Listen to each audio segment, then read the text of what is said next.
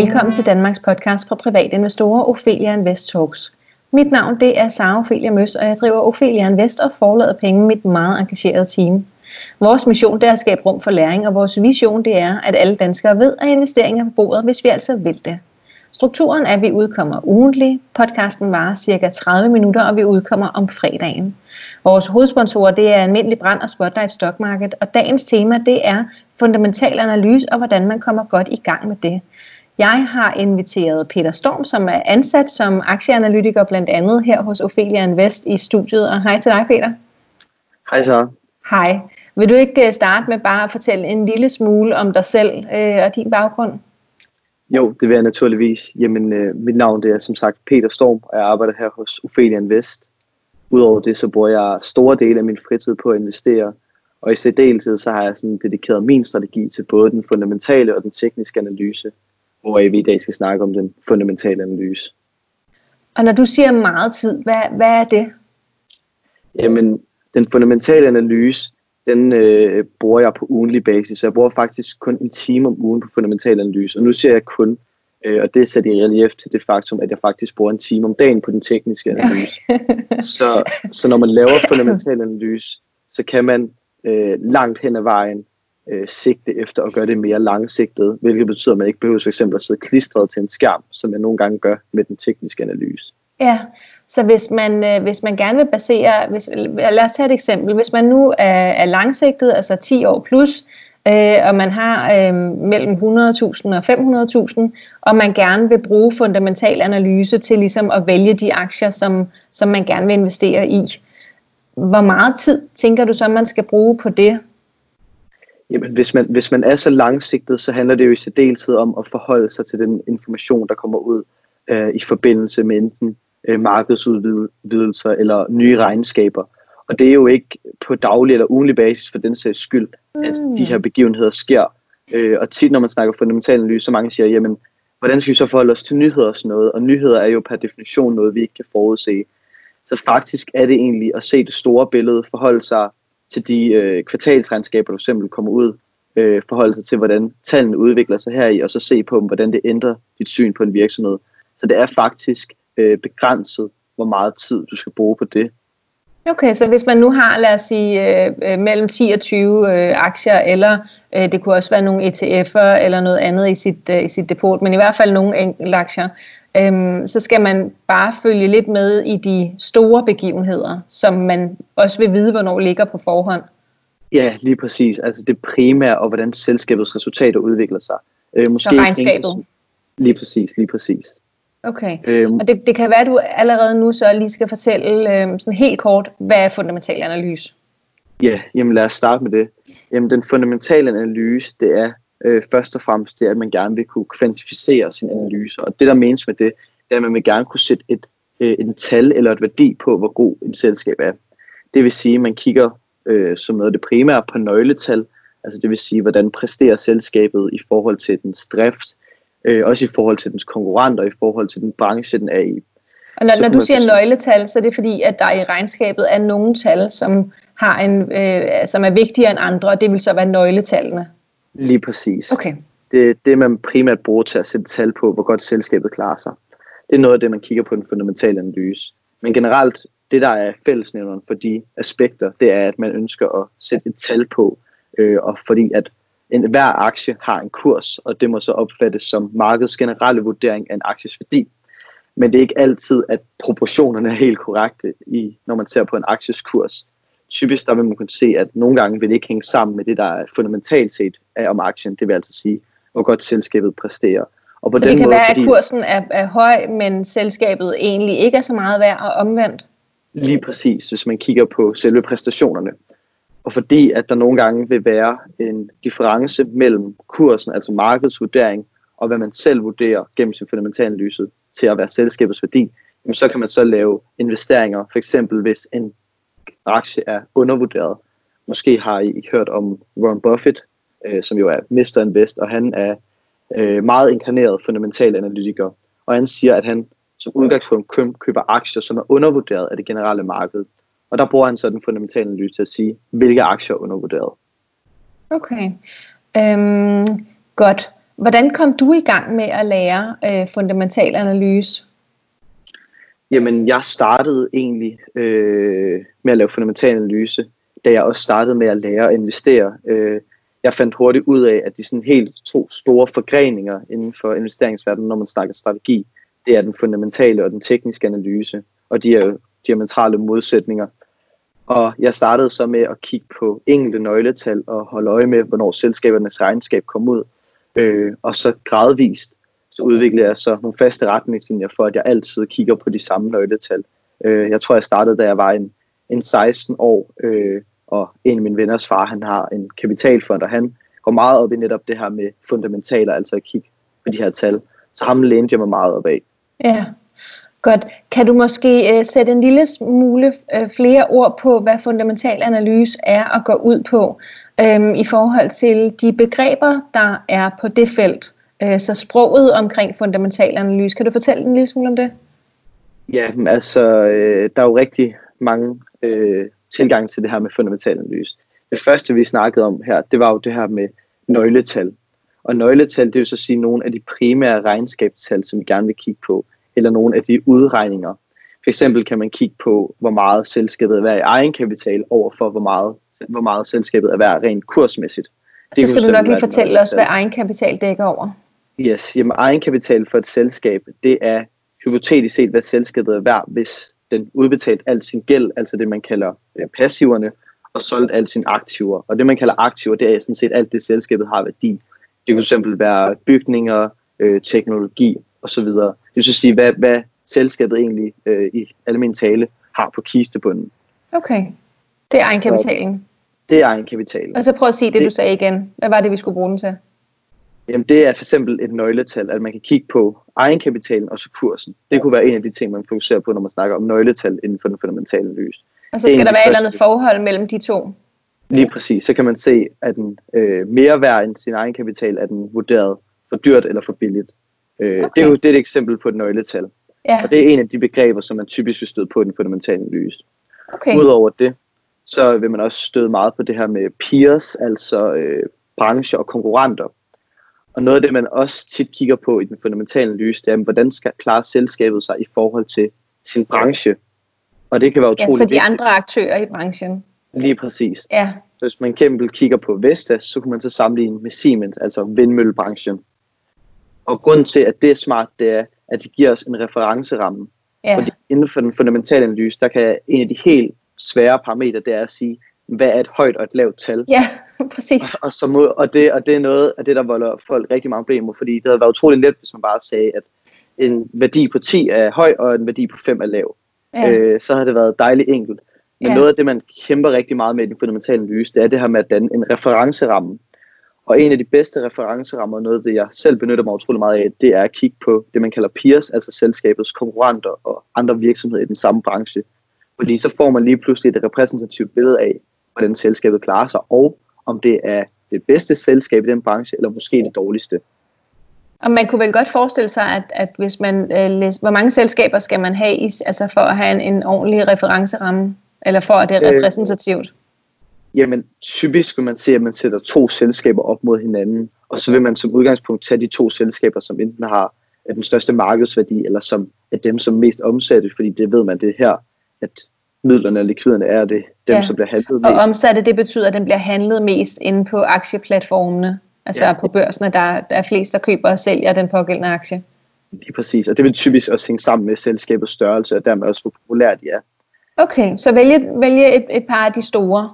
Lige præcis. Det kan, være, okay. det kan i hvert fald være en god måde at starte på. Og så kunne der vel godt være, at, øh, at det ene selskab var god til den ene ting, og det andet selskab var god til den anden ting. Så hvordan finder man så ud af, Altså, kunne de ikke begge to være gode på hver deres måde? Jo, helt sikkert. Og det er jo igen det her med, at når man laver en analyse med tal, så siger man jo, at det gerne skal være så konkret som muligt, men det kræver altså også netop det her med, at man laver nogle retningslinjer, og det fører mig måske lidt videre til et andet fokuspunkt. Netop det her med, når man laver fundamental analyse, øh, så noget af det i hvert fald, jeg har lært med tiden, det er, at man skal holde sig til øh, nogle bestemte retningslinjer, sådan at alle ens analyser har et bestemt format. Øh, for hvis man bliver ved med at skifte mellem en masse nøgletal, så kan man netop ikke bruge de her referencerammer, man får. Nej, man bliver øh, ikke klogere så. Lige præcis. Tit og som udgangspunkt og en tommelfingerregel, noget af det, man bør fokuserer meget på, det er det her med øh, rentabiliteten. Og når jeg siger rentabilitet, så er det simpelthen det, man kan også på dansk kalder forretningsevne. Det vil sige, det skal vi nok have uddybet yderligere. ja, det vil faktisk sige, forretningsevne, det vil sige, hvor godt forvalter en af de her selskaber mine penge. Hvor meget værdi får jeg på pengene? Og noget af det, man for eksempel kigger på, det er, hvor godt et selskab forvalter sin egen kapital. Og egenkapitalen, det var som sagt det her med, hvad har selskabet på kistebunden? Ja. Men når vi investerer nogle penge i en virksomhed, så bliver det en del af selskabets egenkapital. Og derfor kan vi faktisk med nogle nøgletal se på, jamen, hvor meget værdi skaber den her virksomhed for vores egenkapital. Så det vil fx sige, hvis et selskab forandrer vores penge med 20 så det er jo relativt godt, hvis man fx sammenligner med det danske C25-indeks, som jo er de største og mest omsatte 25 danske virksomheder, som i gennemsnit giver 7% om året. Mm. På den måde kan man sådan prøve at, at drage nogle paralleller og lave nogle referencer der.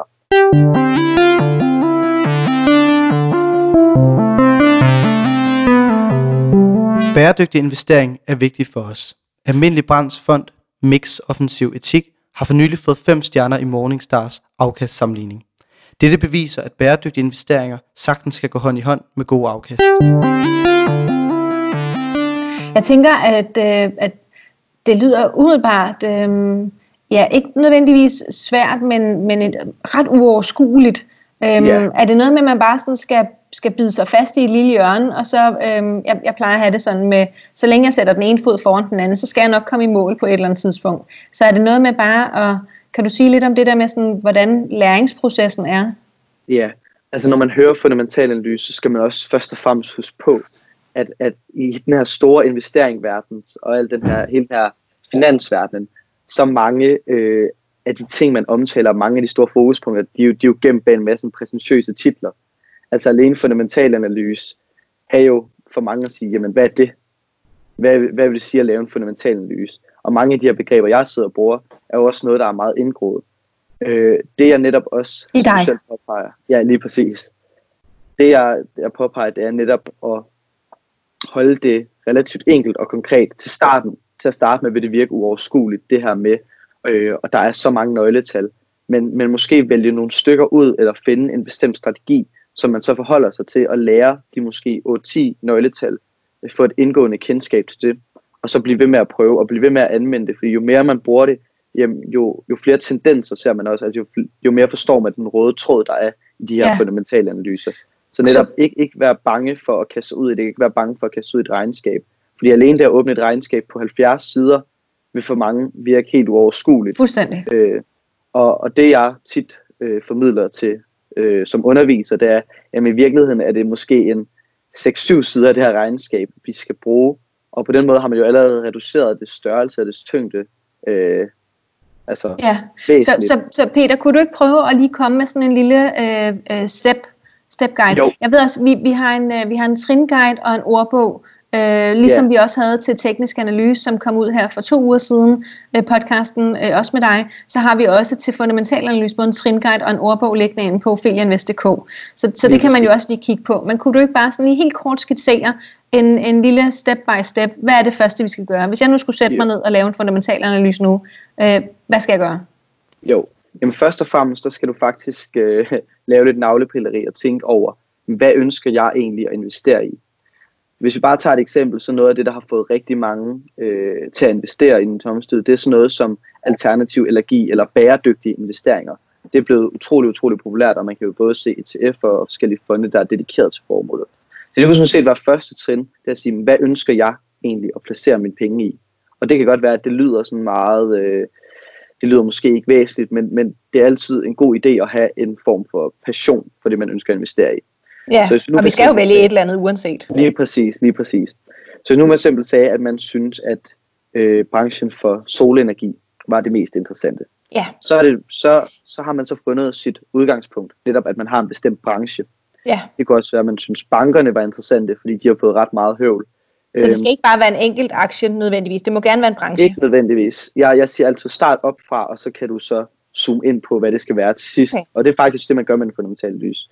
Ja. Så man starter med at tænke på, hvad ønsker jeg at investere i? Og det kunne for eksempel så være, jeg ønsker noget bæredygtigt, derfor solenergi. Ja. Starter man ved branchen. Ah. Ja.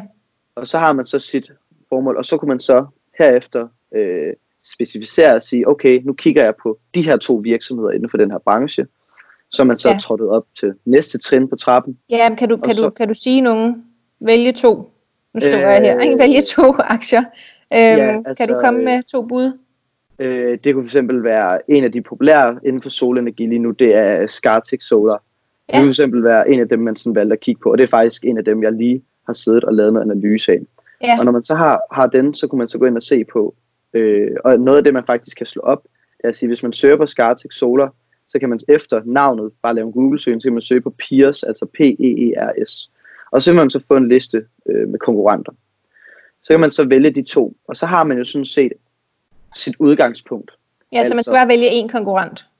Lige præcis. Man kunne vel også vælge tre eller fem, ikke? Det, det kunne man bestemt også. Så bliver Øh, opgaven bare det større. så, så bliver tyngden ligesom det større, substansen Så vi starter større. med to. Ja. Så jeg synes, for det her formål, så starter vi med to. Ja. Når man så har valgt de to, så har man jo både valgt en branche, man har valgt et selskab, man har fundet en konkurrent. Ja. Så kunne man så gå ind i de to regnskaber, og så det vigtigste er faktisk at starte med, at man Nu vælger at siger du, fokusere gå på ind. det samme. Ja, men øh, nu siger du, så kan man bare lige gå ind i de regnskaber. Hvor finder man dem henne? Jamen der kunne man for eksempel, hvis man søgte på øh, Scartix Solar, så kommer man ind på deres hjemmeside ved Ja. en Google-søgning, og så vil der typisk være noget, der hedder Investor eller Investor Relations. Det er sådan Ja. typisk de to øh, faner, som man skal lede ind efter. Og så vil der være det, der man for eksempel kender annual reports, og det er årsregnskaber. Ja. Øh, vælger at kigge på det helt store billede. Annual report. Ja. Ja. Præcis. Og når man så har fundet de her to frem, jamen så har man faktisk al den data, man skal bruge. Og typisk, så kan man jo så, som vi nævnte før, blive væltet lidt bagover af de her. Ja. Ja, så hvordan finder vi de rigtige syv sider? Typisk en god ting, det er at starte med at kigge på det, der hedder Five Year Summary. Altså øh, en form for øh, nøgletalsreferat for de sidste fem år. Her vil der ligge utrolig mange nøgletal allerede udregnet for os. Så det vil sige, at vi allerede kan vælge nogen og sige, okay, hvad er tendensen her? Ellers under det, der hedder Consolidated Financial Statement, øh, ja, det er igen en af de her titler, Ja. på, øh, som typisk er omkring en syv sider. Men der har vi stort set 95% af den data, jeg bruger til mine udregninger, hvis jeg selv laver dem, de ligger altså under der Consolidated Financial Statement. Sagde du 95% af det, du skal bruge, det ligger under Consolidated Financial Statements? til at lave mine nøgletalsudregninger, lige præcis. Okay. Og det er typisk noget af det, der kan være sådan lidt øh, en befrielse og lidt en åbenbaring, når vi sidder på, i, på eksempel vores investeringsuddannelser, at jeg netop kan blive ved med at referere til, at vi skal ind under Consolidated Financial Statement. Ja. Vi skal ind under Consolidated Financial Statement. Ja, Det er sådan en ting, der går igen. Ja. Øh. godt. Så, så bare lige for at opsummere for, øh, for dem, der sidder og lytter med og rigtig gerne vil forstå det her, ligesom jeg rigtig gerne vil forstå ja. det. Øhm, så går man altså ind på selskabets hjemmeside, så finder vi, øh, vi enten der, hvor der står investor eller investor relation, eller det kan også bare stå IR, øh, forestiller jeg mig. Ja, ja. Og så Ja. skal vi så ind og finde øh, årsrapporten eller årsregnskabet, som øh, typisk vil hedde annual reports. Øhm, og deri, der kan vi så øh, simpelthen bare søge efter, når vi har, det er formentlig en pdf, man kan downloade, har jeg ret? Yes. Ja, og så kan vi bare lave sådan en øh, F eller Command F, hvor så søger vi i hele det dokument, og så kan vi så søge efter Consolidated øh, Financial øh, Statement, øh, og også efter det der 5-year summary. Ja, og typisk så kan man faktisk, øh, så er der sådan en interaktiv øh, indholdsfortegnelse, hvor man faktisk kan Ja. trykke på overskrifterne, og så kommer man derned. Ja. Nogle gange kan man godt, den her Command F-version fungerer tider og til tider er den faktisk lidt øh, en akilleshæl, fordi nogle gange får man nogle forkerte data og sådan noget, fordi der er okay. egen kapital kan dække over flere ting. Derfor er det Okay. en god idé at forholde sig den her indholdsfortegnelse, Ja. som typisk leder dig lige præcis hen, hvor du skal være. Så bliver vi også klogere. Så kig på indholdsfortegnelsen. Øhm, og hvis man skal søge efter noget, så vær sikker på, at, at man staver det rigtigt, eller når jeg skal Ja. skrive en lille del af ordet. Nå, men så Bestemt. når man har fundet det her uh, Consolidated Financial Statement, hvad, hvad skal man så gøre? jamen så er det jo så der, man faktisk går over nu og snakker strategi, som jo er et, et helt andet emne. Øh, men det er, at man fokuserer på nogle bestemte nøgletal, øh, og det bliver sådan mere teknisk. Men for eksempel, nogen fokuserer meget på øh, det her med, som vi nævnte før, lad os tage det som eksempel, altså rentabiliteten, forretningsevnen, hvor, Ja. hvor gode selskabet er til at håndtere vores penge og, og skabe værdi for den. Og der kan man for eksempel vælge nogle bestemte nøgletal, to-tre stykker, som man fast bruger hver gang. Ja, Så det handler lidt om at Vælge. hvad hedder de? det kan fx være den, der hedder ROE, som er en forkortelse for Return on Equity, og som er det, der kaldes egenkapitalsforretning på dansk. Der er utrolig mange Ja. ja. navne. Kært barn har mange navne. Ja. Øh, men den her ROE-værdi vil typisk være der, Man kan også tage noget, der hedder en ROIC-værdi, som er det samme øh, forandringsevne, men i forhold til cashflowet. Eller øh, ROIC? Ja, ROIC, Return on Invested Capital. Og det er sådan samlet investeret kapital, og ikke kun egenkapitalen. Og det er igen, det er lidt med, øh, hvad man er til, øh, og hvad man synes fungerer for en. Så det er sådan noget, der helst skal prøves af. Ja. Øh, noget af det, mange også kigger på. Til at starte det, det, man... med, så er der jo ikke noget af det, der fungerer for os. Så, så der Nej. skal vi bare ligesom vælge noget, og så er det rart, hvis ja. der er en anden, der har sagt, at hvilke altså, tre vi skal to, vælge, hvis der er 20 to tal, to tal, jeg altid kigger på, når jeg snakker rentabilitet, altså forretningshævn, ja. det er den her ROE-værdi, Return on Equity, egenkapitalsfor, øh, egenkapitalsforretning, og så kigger jeg også på det, der kaldes EBIT-marken, øh, øh, det vil sige øh, overskudsgraden. Øh, og overskudsgraden, overskudsgrad? Overskudsgraden, det viser, hvor stor en del af virksomhedens resultat, øh, før skat og finansielle poster, som bliver til overskud. Det vil altså sige, øh, vi kan sidde med en virksomhed, som måske har et pænt resultat, og vi siger, okay, de har overskud, men meget, øh, undskyld, de har et pænt resultat, men de har ikke noget overskud. Øh, og det er ikke sådan en god indikation, fordi ja, som investor, så er det jo faktisk overskuddet, vi gerne vil have, fordi det er det, der er med til at få virksomheden til at vækste og blive større, altså at virksomheden hvert år har et overskud. Ja. Så overskudsgraden er god til at se, hvor meget øh, af selskabets resultat bliver så rent faktisk til overskud. Ja, jeg tænker, at vi måske lige skal zoome ud et øjeblik, fordi at ja. øhm, øh, det lyder super spændende, men også øh, som om, at, øh, at det måske tager nogle timer, før vi er i mål med den yeah. tringuide. Øh, og som sagt, så ligger der jo både en tringuide og en ordbog inde på filianvest.dk. Yes. Øhm, og så har du faktisk også, øh, vi har jo på forladet penge øh, udgivet en bog, der hedder Den lille guide til fundamental analyse. Og så har du faktisk skrevet øh, den lille workbook til fundamental analyse, hvor du tager udgangspunkt yes. i den her peer group analyse, hvor man sammenligner selskaber med hinanden. Ja, yeah.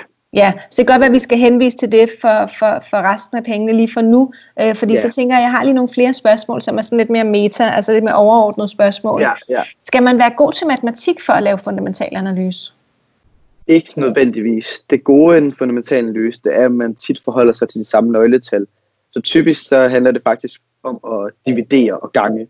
Det er sådan meget typisk, øh, okay. og det kan man jo bruge en lommeregner til. Øh, det gør jeg også selv. Det er ikke ja. fordi, sidder og gør det i for det er ofte store værdier. Ja. Men, men øh, hvis man kan lidt øh, simpel division og gange med en lommeregner, jamen så ja. er man faktisk godt på vej. Der er ikke nogen fancy lommeregner. Telefonen, det er så fint. Telefonen fungerer. Altid. Hvad er de vigtigste redskaber, når man skal lave en øh, fundamental analyse? Er det årsregnskabet og lommeregneren? Ja, altså nøgletallene er for mig at se noget af det vigtigste. Fordi det er det, der for mig giver god mening, fordi det netop er så konkret, altså et tal. Så, så det vil nok sige, og det er jo også, det kan I høre, når vi sidder og snakker om emnet, at det er jo tit der, vi ender, netop ja. ved nøgletallene. Så det er nok ja. det vigtigste redskab. Ja. Hvilke fordele og ulemper er der ved at basere vores investeringer på fundamental analyse, hvis vi starter med fordelene? Jamen fordelen er, at man, man får nogle konkrete retningslinjer, og man får et tal. Øh, og et tal er jo som per definition ret konkret. Som en fundamental analyse, der får du en ret konkret vurdering af selskabets værdi. Så det er sort-hvid? Lige præcis. Ja. Der, der, hvor fundamentalanalysen nogle gange kommer til kort, det er, når der er nogle faktorer, som er svære at sætte tal på. Og vi har et øh, pragteksemplar på det her lige nu med Teslas kursudvikling. Tesla har lige øh, kommet med rapporter. Ja, Tesla er en amerikansk aktie øh, med Tesla. øh, elbiler. Lige præcis. Ja. Øh, Tesla har netop kommet med rapport i dag, og det ser faktisk pænt ud, og der er en pæn udvikling. Men nogle gange er Tesla steget markant i værdi, øh, baseret på for eksempel Elon Musks udtaler, udtalelser, som er CEO, som er CEO og founder. Ja. Lige præcis. Øh, han er meget øh, omdiskuteret i investeringsverdenen, og han kan nogle gange komme med udtalelser, som er med til at rykke dem helt vildt i kurs, men altså også med til at sænke dem i kurs. Vi havde for eksempel et rigtig sjovt tilfælde på det her, hvor han skrev på sin Twitter, at øh, Tesla-aktien er for dyr i værdi, hvis du spørger mig. Og, og det lyder jo ret kontroversielt. Øh, og det, ja, der er egentlig CEO, ja. det, at Tesla-aktien var steget ret markant i den periode, for inden han skriver tweetet. Og han tog egentlig lidt øh, pis på alle de øh, investorer, som har siddet og sagt, den er for dyr, den er for dyr, og den blev ved med at stige. Og det samme har man set her nu, hvor Tesla er på det, man kalder et all-time high, altså den højeste kurs, som nogensinde er blevet handlet til. At der er rigtig mange, der har sagt, den er for dyr, den er for dyr, nu shorter vi. Og så er den altså bare steget igen og igen. Nu siger du, nu shorter vi, og det betyder, at man satser penge på, at aktien vil falde, i stedet for at satse penge på, at den vil stige. Det er præcis. Og, ja. og sådan en virksomhed som Tesla, den har bare til tider vist, at de her fundamentaler, vi kigger på, de kommer til kort, fordi der er så mange andre ting, som er indpriset i dens kurs. Blandt andet forventninger til, hvordan den her branche skal udvikle sig, forventninger til, hvad Elon Musk kan som CEO, og så netop reaktioner på kontroversielle ytringer. Og der må man sige, der kommer vores fundamentale analyse til tider til kort.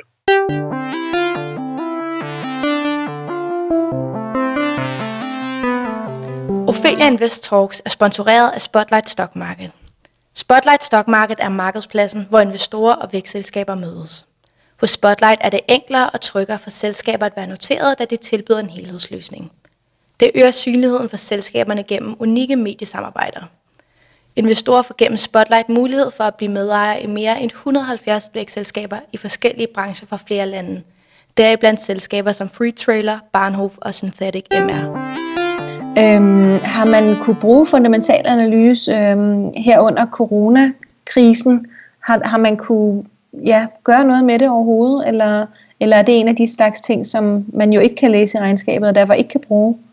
Jamen, altså man har kunne bruge det sådan lidt, lidt meta, fordi for eksempel en person som Roy Buffett, som jeg nævnte, var inkarneret øh, fundamental analytiker. Han er meget dedikeret til kun at bruge den fundamentale analyse faktisk. Og han er jo øh, anset til af verdens bedste investorer, så det taler måske for sig selv. Han sagde, at øh, øh, nu er aktierne på udsalg.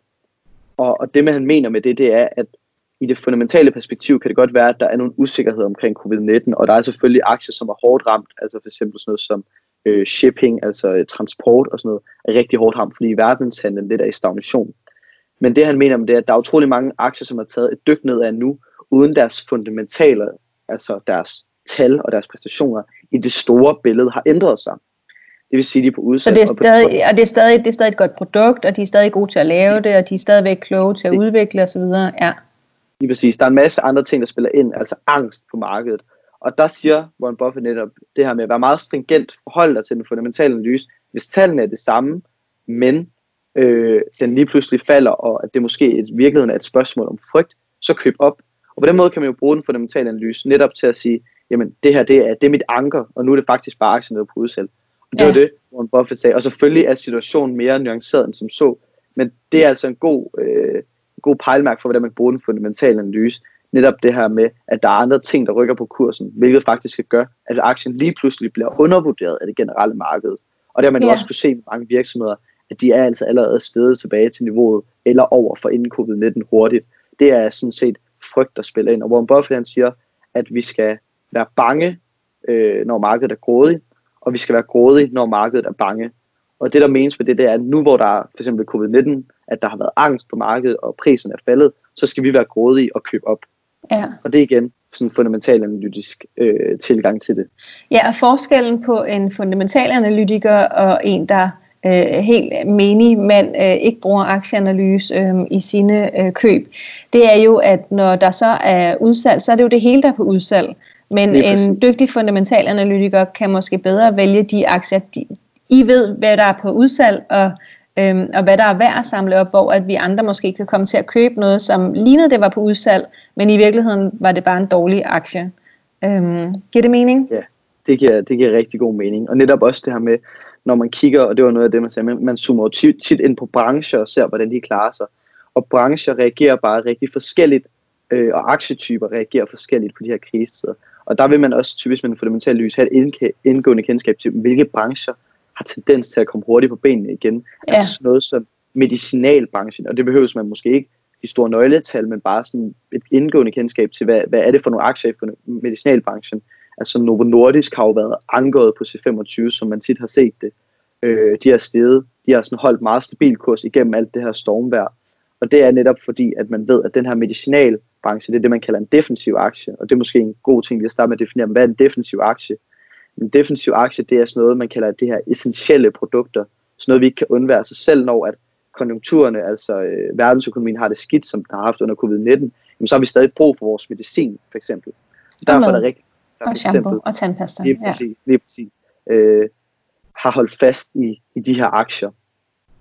Ja, og så dem, der har haft det hårdt, det er så, det er så de cykliske, som er dem, der, der kører mere op og ned og følges med, når økonomien går op og ned. Øhm, lige et par korte spørgsmål her til sidst. Hvad er dit bedste råd til dem, som gerne vil i gang med at lære fundamental analyse og bruge det mere? Jamen, det er et fundamental analyse, og generelt det her med investering, det er altså for alle. Så ikke være bange for at springe ud af det, ikke være bange for at faktisk besøge dit første regnskab, og bare forsigtigt gå ind og se, om du kan finde det her med Consolidated Financial Statement og øh, det her five year summary, øh, og så begynd at læse om de her nøgletal, øh, vær selektiv, lad være med at læse måske om 100, fordi det gør jeg heller ikke, og det vil øh, være til mere skade end det til gavn, men, men vælge en 10 stykker, hvor du siger, at, at det giver mening. Øh, ja, man kan måske ja. starte med at vælge de tre, som du nævnte tidligere, ja, ikke? Ja. som var ROE og ROIC og EBIT margin. Ja, det kunne fx være noget af det, man kunne fokusere på. Øh, men netop det her primært med ikke at være bange for at springe ud det, fordi mm. når man først har forstået de her nøgletal, som godt kan tage tid at gøre, det er ikke noget, man bare øh, vågner op, og så har man lært det, og lige går i seng på det og læser en time, og så har man lært det. Det tager selvfølgelig øh, tid at lære, det har det også gjort for mig. Øh, men når man har lært det, jamen, så er ved fundamentalanalysen være meget øh, rutinearbejde, fordi det netop bliver en rutine at bruge de bestemte metoder mm. og de bestemte analyseværktøjer. Ja, og rutinen kunne måske lyde kedelig, men det hele det handler jo om at vælge de rigtige aktier og tjene penge. Yes. Det er præcis. Godt. Ja, jeg det, tror, det var det, vi nåede, Peter. Ja. Ja, øh, man kan jo øh, se dig i, vi har en hel stribe øh, små korte læringsvideoer inde på YouTube om fundamental analyse, og for så vidt også om teknisk analyse, men også om fundamental analyse. Der ligger seks videoer, er det rigtigt? Det er rigtigt. Ja, øh, hvor at det simpelthen starter fra, øh, fra A og slutter ikke ved Z, men, men måske ved D eller sådan noget, så der kan man lige få sådan en lille intro. Øh, og så har vi som sagt bøgerne og så videre, dem kan man finde inde på filianvest.dk. Yes, så tusind tak, fordi du ville være med, Peter. Tak fordi jeg måtte være med. Og dig, der sidder og lytter med, du kan følge os, uh, Ophelia Invest, på Facebook, Instagram, YouTube og LinkedIn.